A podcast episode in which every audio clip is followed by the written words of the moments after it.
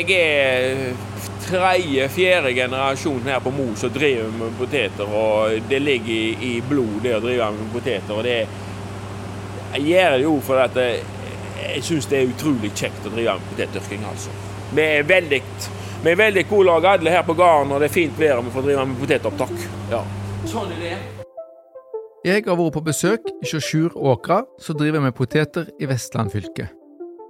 Han lykkes godt med denne produksjonen, selv om han ikke er blant de største i landet. Hvordan er det mulig, og hva må til for å få en lønnsom produksjon av poteter?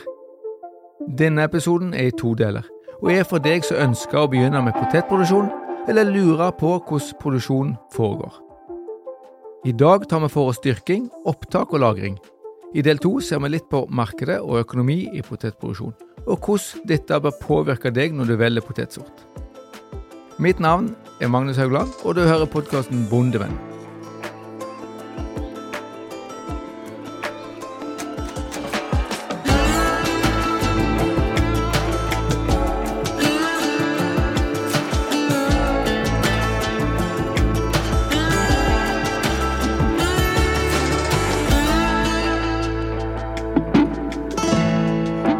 Podkasten Bondevenn blir presentert i samarbeid med Sparebank1 SR-Bank og Tveit regnskap.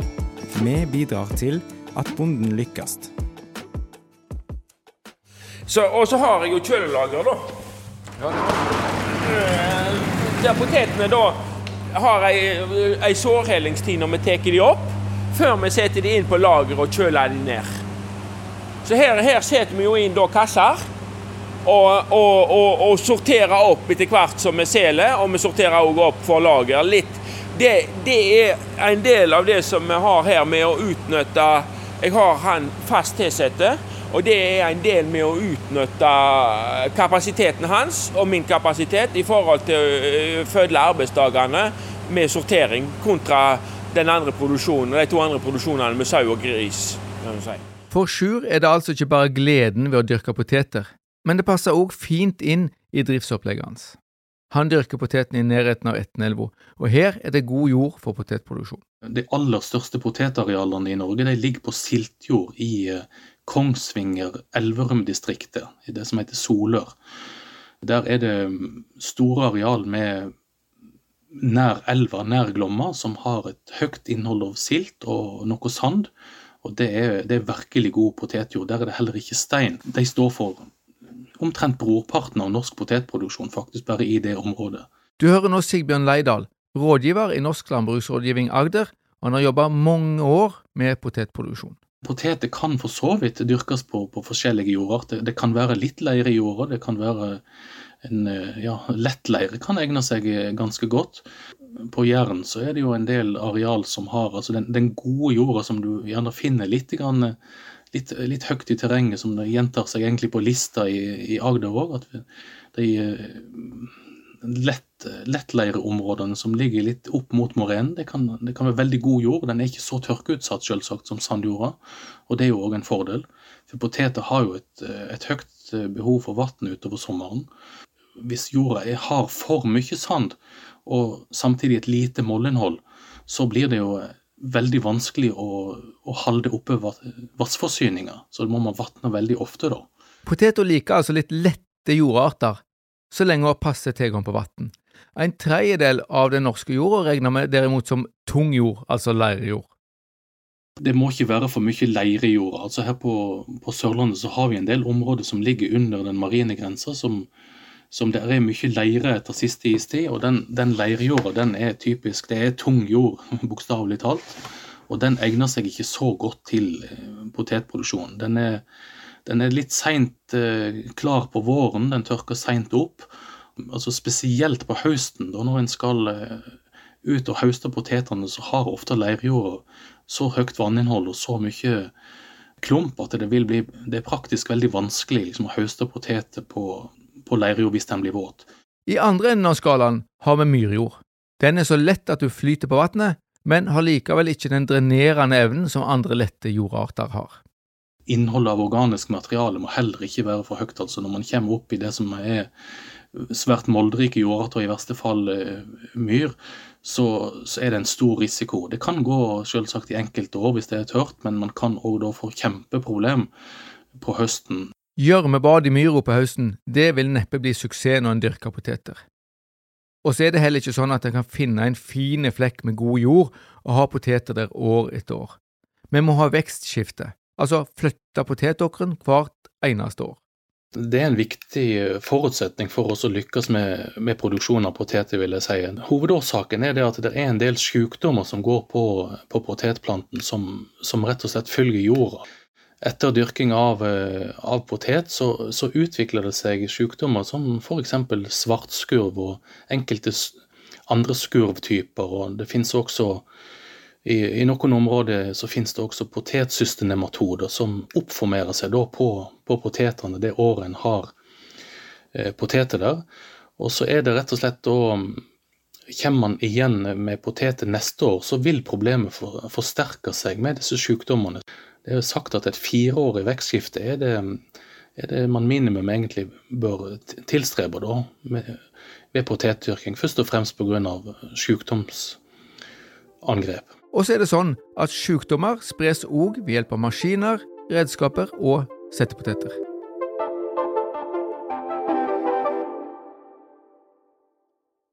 Kvaliteten på settepotetene er viktig for å få et godt resultat. Jeg vil vel si det så sterkt at settepoteter og friske settepoteter det er en av de viktigste forutsetningene for å lykkes med, med potetproduksjon. For, for poteten den er en, det er en vegetativ oppformert knoll, og det tar man konsekvent bare settepoteter av egen avling i mange år, så vil her bli en oppformering av diverse sykdommer. Det er både bakteriesykdommer, virussykdommer og, og sopp. Så det at eh, i Norge så har vi en god kvalitet av statskontrollerte eller sertifiserte, som det heter, settepoteter. Så i alle fall som ny produsent av, av ny potetprodusent, så ville jeg aldri vært i tvil med å kjøpe nye sertifiserte settepoteter, så en, en får en god start. Det varierer rundt i landet hvor tidlig en kan starte potetsettinga. Og det er gått sport i å hauste de første potetene, og da settes det av og til gjerne i februar, men i normal potetproduksjon så snakker vi gjerne om april-mai. Vi har sett poteter ifra En gang har vi sett 25. mars, uten at jeg skal si det ble den store suksessen. Eh, men 5.-6. Eh, april har vi sett en del sett poteter somme år. Men det er stort sett i siste halvdel av april vi driver med det. Det pleier stort sett sjelden skje mye i første halvdel av april med potetsetting her på gården. Det gjør det ikke. Eh, har, altså, sesongen begynner jo egentlig med at det setter til groing. Det er, ikke, det, er, det er, av og til en litt sånn følelse en har på seg når vi skal sette poteter til jordskroing. Lysgroing er spesielt for potetproduksjon. Vanlig lagringstemperatur på potet er jo i, ja, i området rundt fire grader. Da lagrer de best. Og når man lagrer egne settepoteter over vinteren, så er òg det den temperaturen man bør etterstrebe. Men da, når man har eh, ja, si en, åtte uker før planlagt setting av tidligpoteter. Så setter man opp temperaturen, ikke veldig mye, men opp til en 10-12 grader. Rett og slett man får i gang celleveksten og får i gang veksten i groaugene. Så bruker man lys da, for å begrense lengdeveksten på groene. Det har vi alle sett at hvis potetene ligger for varmt og ikke har tilgang til lys, så blir det jo bare noen lange, tynne, hvite groer. Man vil ha lysgro, eller grodde poteter, lysgrodde poteter som har en ganske kort og sterk groe som ikke detter av i forbindelse med, med setting. Altså, vi øker temperaturen for å få potetene til å tjuvstarte vekstsesongen, samtidig som gir de lys for å bremse veksten av røttene. Dermed er det mulig å sette potetene i jorda uten å ødelegge røttene. Men de er skjøre, disse små groene. Nei, Når man har lysgrodd settepotetene sine, så setter det òg litt større krav til, til, potetsetteren. Den må være mer skånsom enn en, en vanlig potetsetter til ikke-lysgrodde poteter, rett og slett. Det er forskjellige typer maskiner, forskjellige typer fabrikat, men, men det, hovedforskjellen går rett og slett på at den er mer skånsom mot groene, sånn at de ikke detter av. Men det, det, bruken har òg selvsagt mye å si. Man må ikke kjøre for fort. Og man må liksom se etter at, det, at de groene som man da har brukt gjerne en, en par måneder på å utvikle inne i lysgroing, at de faktisk sitter på når poteter er plassert i bakken. Vi kickstarter altså veksten med å lysgro potetene. Ved produksjon av tidlig potet, altså de tidligste potetene som skal ut på markedet helt i starten av sesongen, du er nødt til å lysgro potetene for å få de raskt nok leveringsklare mens prisene er på topp. Men òg de som ikke driver med tidlig potet, kan ha nytte av lysskroing. Jeg setter, ca. 2,5 tonn til jordskroing, og resten jordskror jeg ikke. Det er jo for å komme i gang. Da prøver jeg å komme i gang i alle fall i månedsskiftet juli-august med nye karspinker. Jeg satser ikke på tidlig poteter. Jeg satser på eh, hele jordskrodde karspink. jeg det og få de eh, tidlig ut på markedet, for jeg mener det er en helt annen kvalitet enn å drive med, med tidligpoteter. Det har jeg aldri drevet med, og kommer heller aldri til å drive med. Kan jeg bare si. Uansett hvilken type produksjon en skal drive, så kreves en del utstyr. Mest om du har stein i jorda di. Hvis man har en, en, jordart med mye stein i, altså mye av morenejorda på, på Jæren og, og, også i, i, Agder, i enkelte områder i, i nærheten av raet, så har vi mye stein i jorda. Og da er, det, da er det faktisk helt nødvendig med steinstrengleggerutstyr for potetproduksjon. Det er jo en egen operasjon der man først kjører opp eh, jorda i, i breie bed, og så kjører man rett og slett hele jordvolumet ned til eh, rundt 25 cm, og kanskje vel så det, gjennom en steinstrenglegger. Det gir jo da et, eh, et, et ferdig bed, som vi kaller det, som er om ikke akkurat steinfritt, så er det iallfall såpass fritt for stein at det, det, vil ikke gi store problemer i forbindelse med høsting. For det er, jo, det er jo spesielt problematisk hvis man da høster potet der man ikke har fått fjerna steinen på forhånd, så vil stein og poteter ofte ligge og bli slått i sammen, slik at man får, en, eh, man får mye skade på potetene. Og det setter ned kapasiteten på høstutstyret veldig betydelig. sånn at det vil, det vil, selv om det med steinstrenglegging er dyrt, så vil det lønne seg, for man får eh, bedre kvalitet og man får eh, større kapasitet ved høsting. da. Hvis man ikke har stein i jorda, så er jo jordarbeidinga på våren mer eh, likt det tradisjonelle åkerbruket, men til den forskjell at man må ha djupere jordarbeiding til potet. Man, eh, man må ha ei pløyedybde på, eh, på, minst 25 cm, slik at man får et godt volum. Når man setter potetene, så skal ikke settepoteten settes på bunnen av en plogsåle eller en havesåle. Det skal, ligge, det skal være løs jord under poteter, slik at den har gode vekstvilkår fra starten av. Dette er veldig ulikt gras- og kornproduksjon. Kommer gjerne pløye på dybder gjerne rundt 20 cm, og deretter jordarbeide grunt, og helst så lite som mulig. I potet er jordarbeidinga relativt voldsom i forhold til f.eks. For kornproduksjon. Når jorda er klargjort for, eh, for setting, så er det vanlig å bruke en eh, potetsetter med radgjødselaggregat, sånn at eh, man utfører både gjødsling og setting i én og samme operasjon. Og det vil si, Gjødsla skal plasseres litt under og litt til sida i to strenger på hver side av settepotetfåra. Tidligere så var det mer vanlig med breigjødsling av potet. altså Da kjørte man ut fullgjødsla eh, med en sentrifugalsprayer i forkant av den siste jordarbeidinga. Nå er det mye mer vanlig å ha radgjødslingsutstyr. Enten så blir det montert på setteren, foran på setteren, eller så rett og slett i, i eget og trepunktoppheng foran på traktoren. Leidal sier at gjødsla ikke skal plasseres inntil settepoteta, for da blir saltkonsentrasjonen for høy og du får spireproblemer. Det rette er fem centimeter til sides og 5 cm unna settepoteta. Poteter settes i drill, eller fårer som vi kaller det. Er du vant med poteter fra barndommen, så husker du kanskje så relativt spisse eller smale driller hvor poteten lå like under overflata. I løpet av vekstsesongen gjorde en drillen bredere ved å hyppe i fårene. Hypping vil si at en henter jord nede for fåra og legger de oppå og inntil potetene gjennom sesongen. Det har endra seg litt de senere år. Tidligere så var det vanlig å sette med veldig lite jordoverdekning, kanskje bare en fem-seks centimeter. Og så kjørte man gjerne da flere omganger med hypping etterpå. Men spesielt på, på lett sandjord så har vi funnet ut eh, at det er, det er, bedre å kjøre med en, en større jordoverdekking og få en, en, ferdig drill, som vi sier, sånn at en reduserer behovet for seinere hypping. Det er ikke slik at behovet for hypping helt er utelatt, men eh, på sandjord så har det vist seg at det er lettere å få jorda forma og få den jorda rundt settepoteter til å bli fast og kompakt ved å kjøre en, en sånn kamforming, da, som det heter, ved, ved setting. Det gir òg da bedre fuktighetsforhold rundt knollen, sånn at man får en bedre vekst. Vi får en større knollsetting fra settepoteter, da, flere knoller.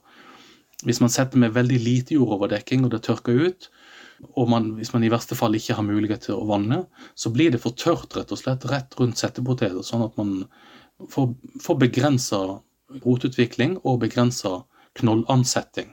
Sigbjørn sier at poteter bør ligge med 10-12 cm jordoverdekning. Han nevner også vatning. Poteter er mer aktuelle å vatne enn gras og kodden, både fordi et areal med poteter representerer store verdier, og fordi det oftere er behov for vatning i potet.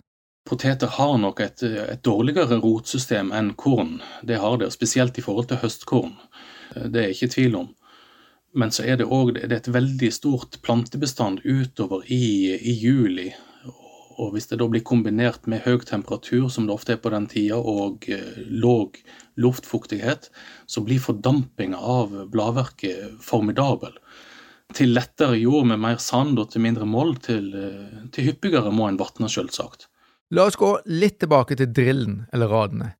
Ikke bare har formen og jordoverdekninga økt, men òg selve radeavstanden har blitt bredere de senere åra. Sigbjørn sier det kommer av at en har større traktorer som skal gå i mjødleradene. Steinstrengleggere gjør at en må få plass til å gjemme stein, og ved dyrking av industripotet så får vi store avlinger opp i fem–seks tonn på målet, og da trengs det mer plass. Radene står altså med større avstand. Men hva med potetene, da? Vanlig setteavstand er 30 cm, og til større avstand, til større kan potetene bli. Så setteavstand, den varierer. Riktig setteavstand til potet det er, det er helt avhengig av formålet. Altså det er klart, Hvis man skal dyrke småpoteter, altså hvis man skal ha sin egen oppformering av settepotet, så vil man jo ha en avling som ikke er for stor. Da har det en helt klar sammenheng hvor tett du setter potetene. Så si at du bare skal ha småpoteter i avlingen, så er det lurt å sette potetene tett, kanskje ned mot en 20-25 cm. Men den vanlige setteavstanden ved dyrking av matpotet, eh, sier Astrix og Folva og Beate til vanlig matpotet. Da er det rundt 30 cm. Kommer litt an på hvor store settepotetene er, og da havner man ofte på 250 kilo settepoteter per dekar. Ved å bruke større setteavstand, mer enn 30 opp mot 40 cm, så vil jo hver settepotet få, få større plass, og det, de avlingene som man da høster, vil ha mye større gjennomsnittlig knollstørrelse.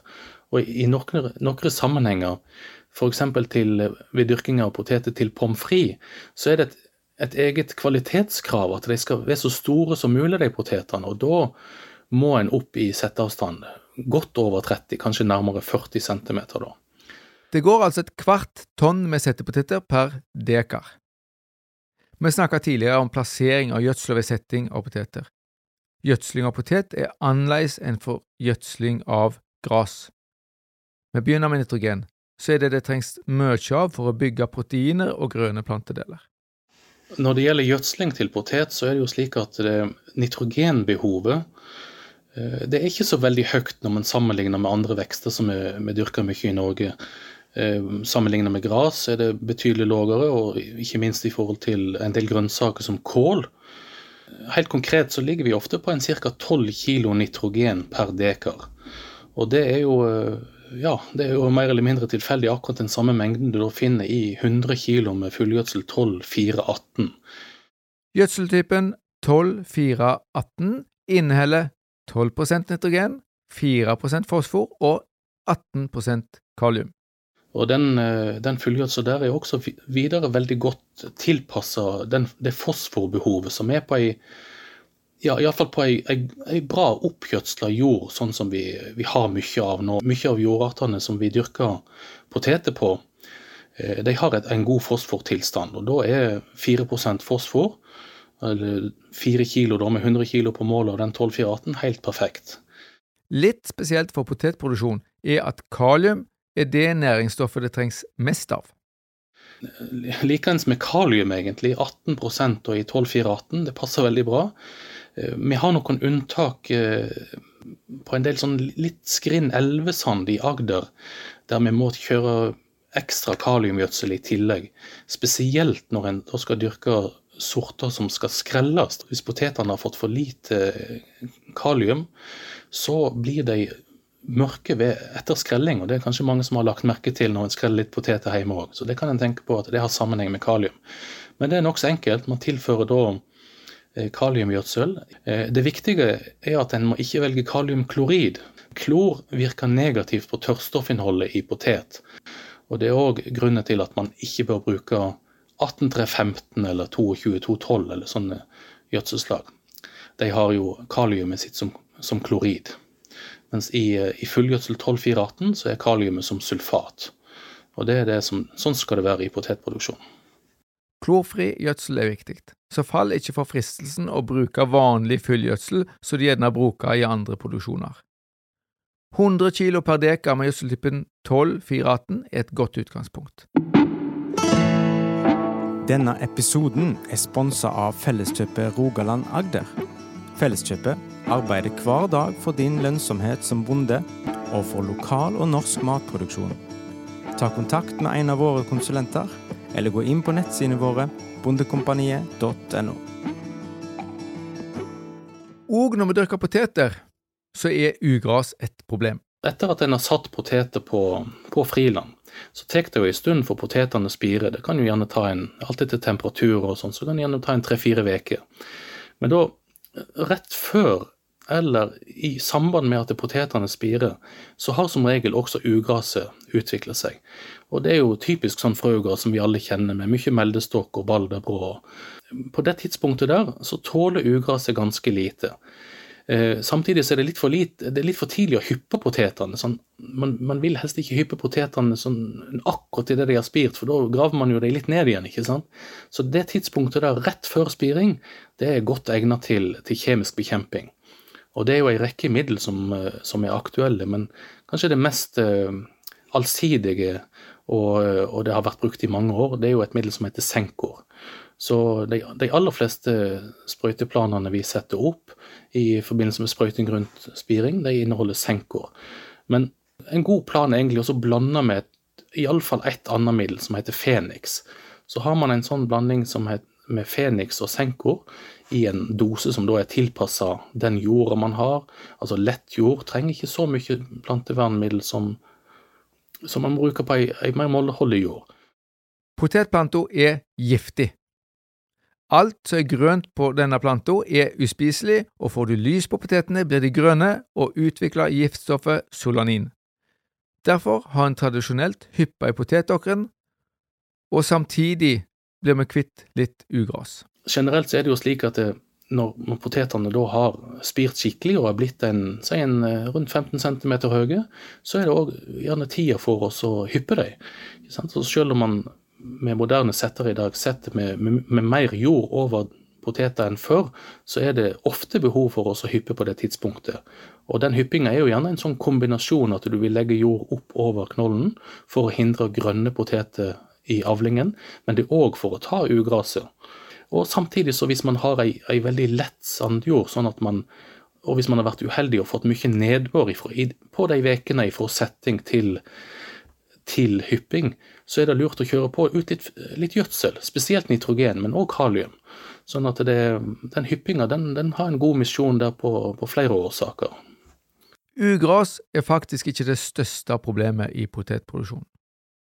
For over 100 år siden hadde en deler av Europa funnet ut at man kunne dyrke poteter, og da produsere enorme mengder mat på lite areal. Dermed kunne en fø opp en stor befolkning med fattigfolk som nesten utelukkende levde på poteter. I en tid hvor en ikke hadde syntetiske spritemidler til å verne avlingene, var det et tidsspørsmål før dette gikk galt. På 1840-tallet så ødela tørråte avlinger over hele Vest-Europa, med matmangel og hungersnød som resultat. Aller verst gikk det i Irland, hvor familie etter familie på landsbygda sakte, men sikkert døde ut. Mangel på sprøytemiddel til å verne avlingene gjorde at én million irer til slutt hadde sulta i hjel. Tørråte er forårsaka av en sopplignende organisme som heter Phytoptora infestas, plantedreper på norsk. Heldigvis så har vi nå midler til å bekjempe denne forferdelige sykdommen. Det verste med den soppsykdommen der, det er at den, den, kan jo komme rett og slett over natta, i, i lufta, for å si det sånn. Altså i, i, vårt område helt her sør i, i, Agder, så kan vi få den inn faktisk luftveien fra Danmark. Det kommer jo inn som små sporer, da, smittestoffet, og så havner det på potetriset. og det er altså en sånn aggressiv eh, soppsykdom. Den kan ta totalt livet av potetriset i løpet av noen få dager, hvis det er tørråtevær, som vi sier det. Altså det er tørråtevær. Altså med det mener vi vær som der tørråtesoppen trives og utvikles godt. Og det er sånn typisk godt grovær. Altså når man har en sånn fin kombinasjon av litt regn og litt sol, og plantene står i full produksjon og har en topp fotosyntese, men da er òg plantene veldig utsatt for, eh, for tørråteangrep når det er fuktig og varmt og også når, spesielt når det òg er varmt om nettene. Så, så, tidligere så var jo dette her knytta til perioden i slutten på juli og utover august, men vi, ser at tørråten òg har ja, Om den har forandret seg eller ikke, skal ikke jeg ha sagt så mye om, men det er iallfall akkurat som man kommer litt tidligere de seneste årene. Men opplever det faktisk sånn i praksis at tørråten er et minst like stort problem nå som den var for 10-20 år tilbake i tid. Så selv om man starter da med friske settepoteter, og man har, eh, man har vekstskifte, sånn at det ligger ikke noe potet i bakken fra i fjor, for det har man hatt potet det ene året og har fått tørråte på dem, og så kommer man att på samme teigen til neste år, så kan man jo få oppblomstring av tørråte av den grunn. Men, men har man et fireårig vekstskifte, så er det jo ja, lite sannsynlig at det ligger igjen noe poteter der da. Så da, om man starter aldri så rent med friske settepoteter, så, så, kan det komme rett og slett som ut av intet. rett og slett. Det kommer i lufta fra andre områder da. Det er nødvendig å beskytte potetavlingen, da, for hvis man ikke beskytter det med kjemiske middel, så er man i, virkelig i faresonen for å miste store deler av avlingen. Både eh, mengdemessig, men òg ikke minst kvalitet. Og hadde det bare vært sånn at tørråten ødela riset og stoppa veksten på potetene litt for tidlig, men ofte så kan det gå mye verre enn som så.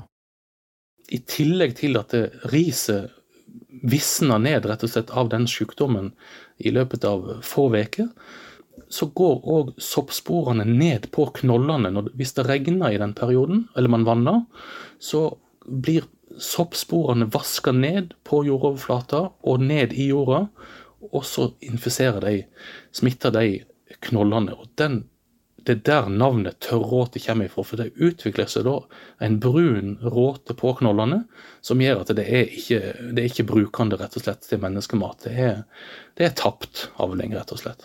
Dyrker du poteter, så må du være forberedt på å sprøyte relativt ofte mot tørråte, spesielt om du dyrker i områder med mildt, fuktig klima. I fjellbygdene og i Nord-Norge er det derimot mindre problemer med tørråte.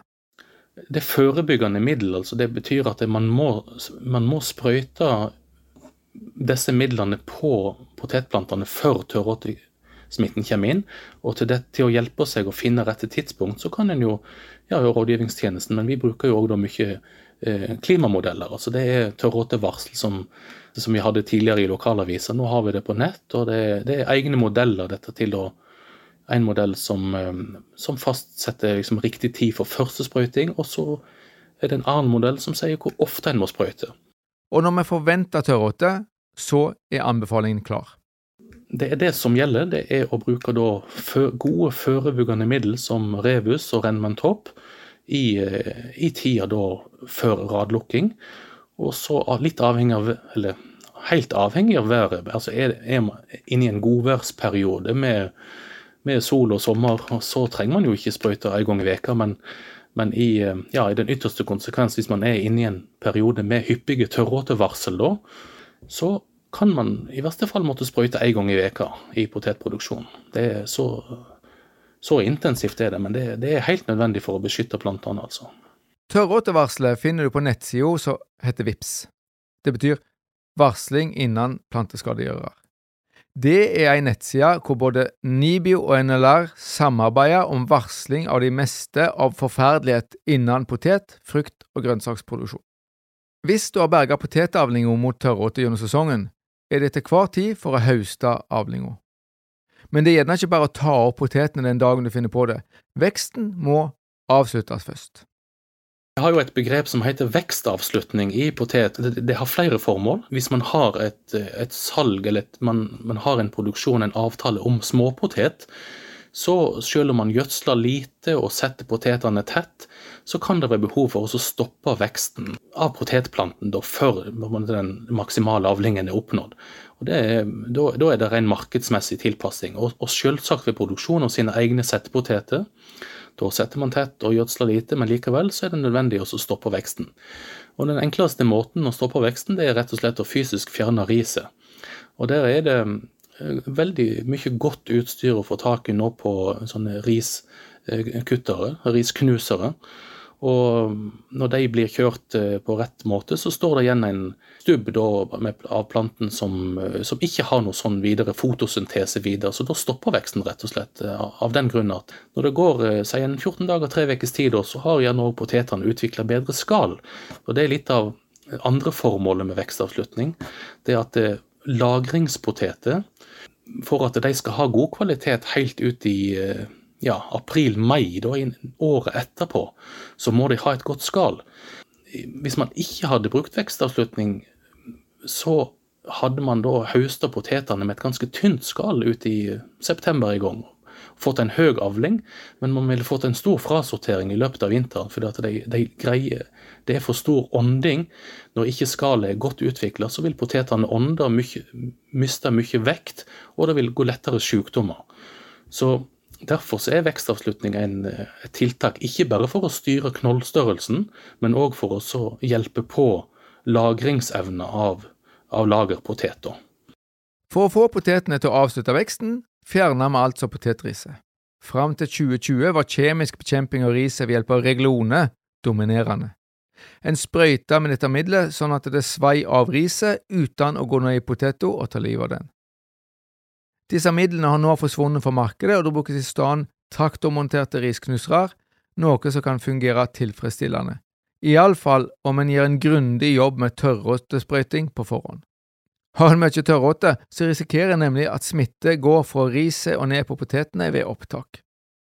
Men sliter en med risknusinga, så er ikke alt håp ute. Det går òg an å bruke noen kjemiske hjelpemidler der. En kombinasjon gjerne med først eh, en mekanisk vekstavslutning, og så en Hvis det blir litt gjenvekst, det er jo enkelte sorter som, som ikke helt lett vil late seg ta livet av, så kommer det gjerne litt gjenvekst. Da kan det være lurt å sprøyte med et middel som heter Gosei. Det har riktignok bare vært på dispensasjon, men vi forventer at det kommer med en ordinær godkjenning nå i løpet av, av året som er, da. Tilbake til skallet. Hvor viktig det er med godt skall, varierer med bruksområdet, og hvor god evne potetene skal ha til å kunne lagres. Når man høster tidlig poteter, så er det veldig ofte at man, man høster på grønt ris, rett og slett. For da skal potetene rett ut i handelen, de blir merka med en ganske kort holdbarhetstid. Man, man, gjør det på den måten fordi at det, skulle man ha venta liksom på at eh, ja, man hadde vekstavslutning og fått stort, fått god utvikling av skall, så ville det, man ville tapt tid. Man ville ikke vært leveringsdyktig i markedet da, kan du si, fra første og andre veka i juni. Så Derfor så høster man da på grønt ris på, på tidlig potet, fra starten av iallfall.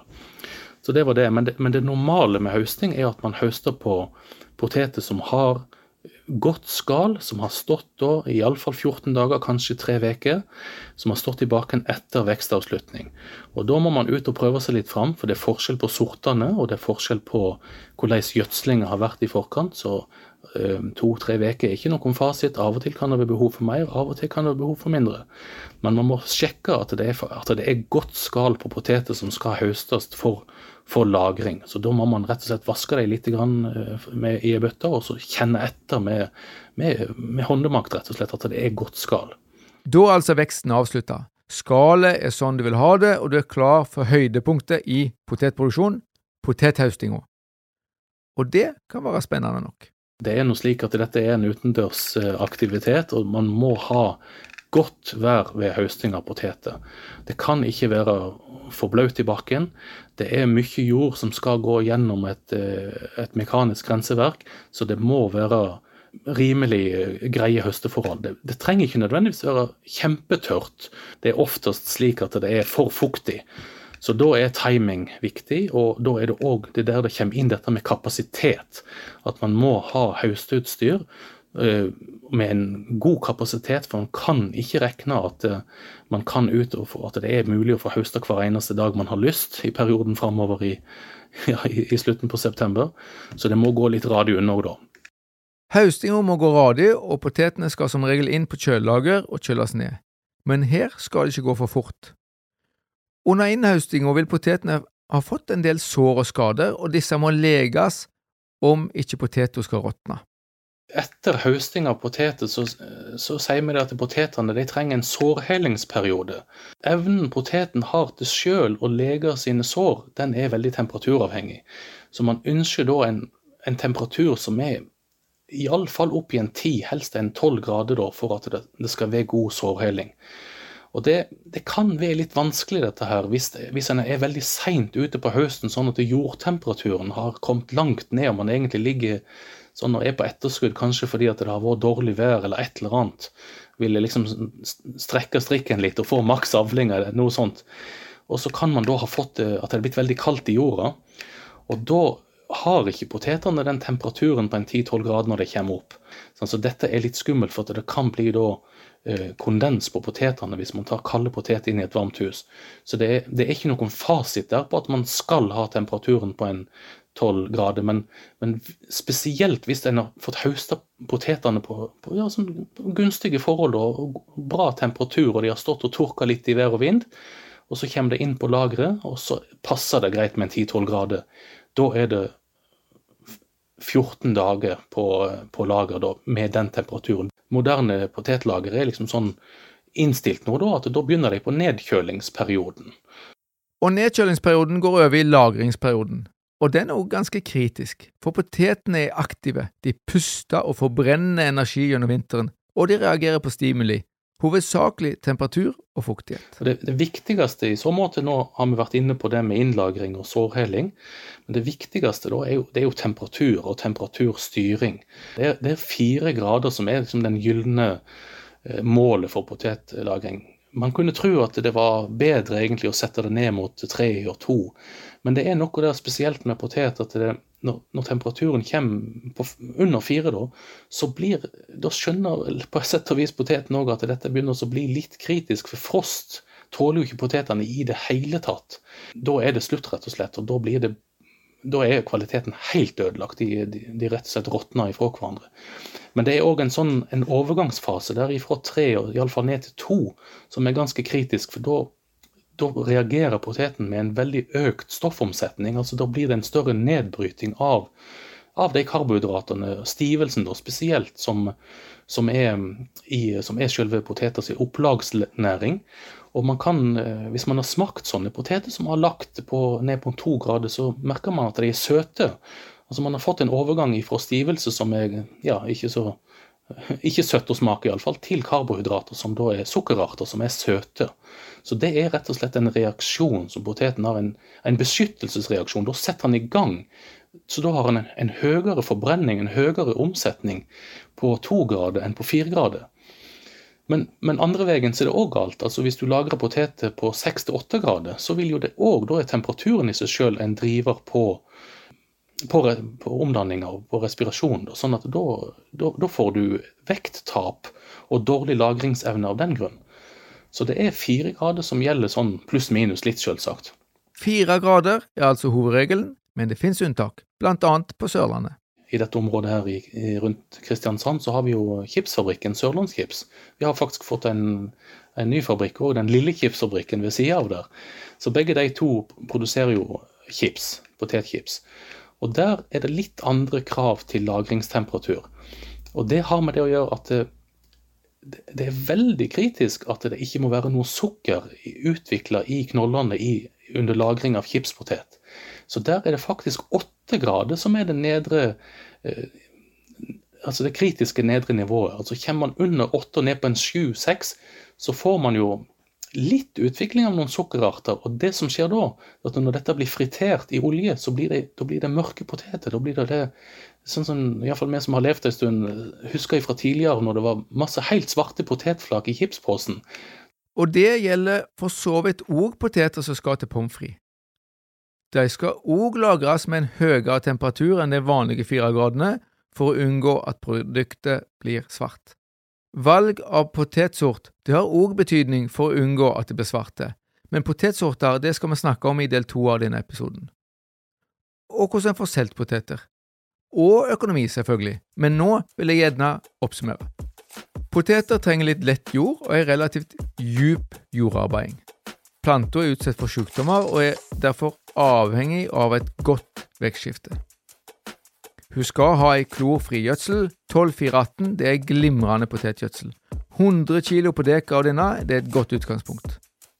Tørråte er potetens hovedfiende i store deler av landet, og du må regne med å måtte sprøyte ofte for å berge avlinga.